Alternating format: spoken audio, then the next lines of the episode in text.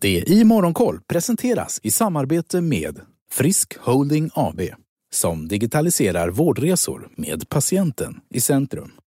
Teckna deras nyemission idag för att vara med och modernisera vården. Läs mer på sajten friskholding.se. Och frisk det stavas med Q. F-R-I-S-Q. friskholding.se. God morgon, välkommen till DI Morgonkoll. Blandade rörelser i Asien. Stockholmsbörsen ser ut att öppna uppåt inför nya fredssamtal mellan Ukraina och Ryssland idag. Shanghai-börsen och Shenzhen-börsen backar en halv procent. Tokyo-börsen och Hongkong-börsen stiger en halv procent. Marknaden oroas på nytt om efterfrågan på olja efter att det kinesiska finanscentret Shanghai stängts ner och Kina handskas med landets värsta smittspridning sedan början av pandemin 2020. Oljepriset föll under natten och bränt oljan handlas nu för 110 dollar fatet. Idag under förmiddagen hålls nya fredssamtal mellan Ukraina och Ryssland i Istanbul det är den fjärde omgången i fredssamtal mellan länderna. Enligt Financial Times uppgifter kan Ryssland låta Ukraina gå med i EU om landet avstår NATO-medlemskap. G7-länderna avvisar Rysslands krav om att betala gasräkningarna i rubel med hänvisning till gällande kontrakt. Samtidigt har kryptovalutan stärkts efter spekulationer om att Ryssland ska tillåta krypto som betalning för olja och andra resurser. Bitcoin har nu tagit igen årets fall och handlas för drygt 47 500 dollar.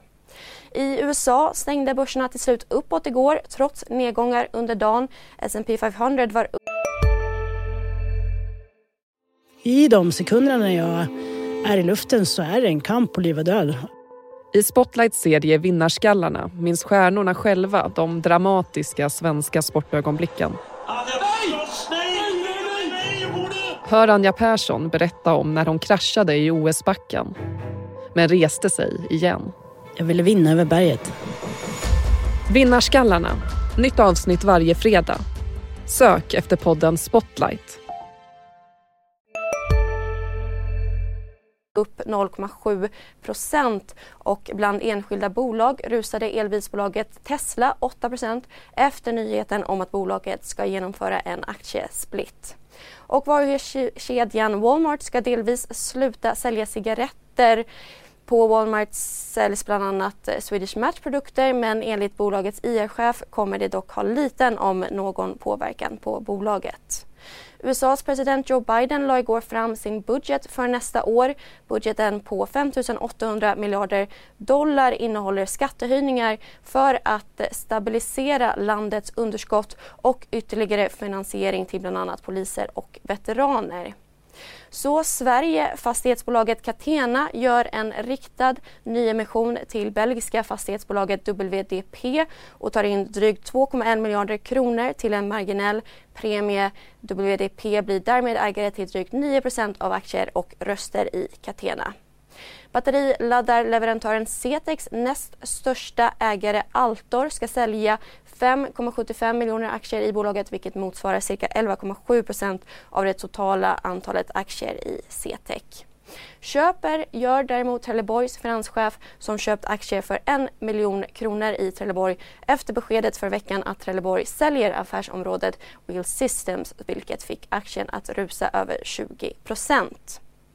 Under dagen ser vi fram emot Ericssons stämma klockan tre i eftermiddag. Under gårdagen så meddelade aktieägare som representerar mer än 10% av aktiekapitalet att de kommer neka VD Börje Ekholm och hela eller delar av styrelsen ansvarsfrihet efter korruptionshärvan i Irak. Missa inte heller Börsmorgon klockan 8.45 och Börskoll klockan 2. Ha en trevlig dag.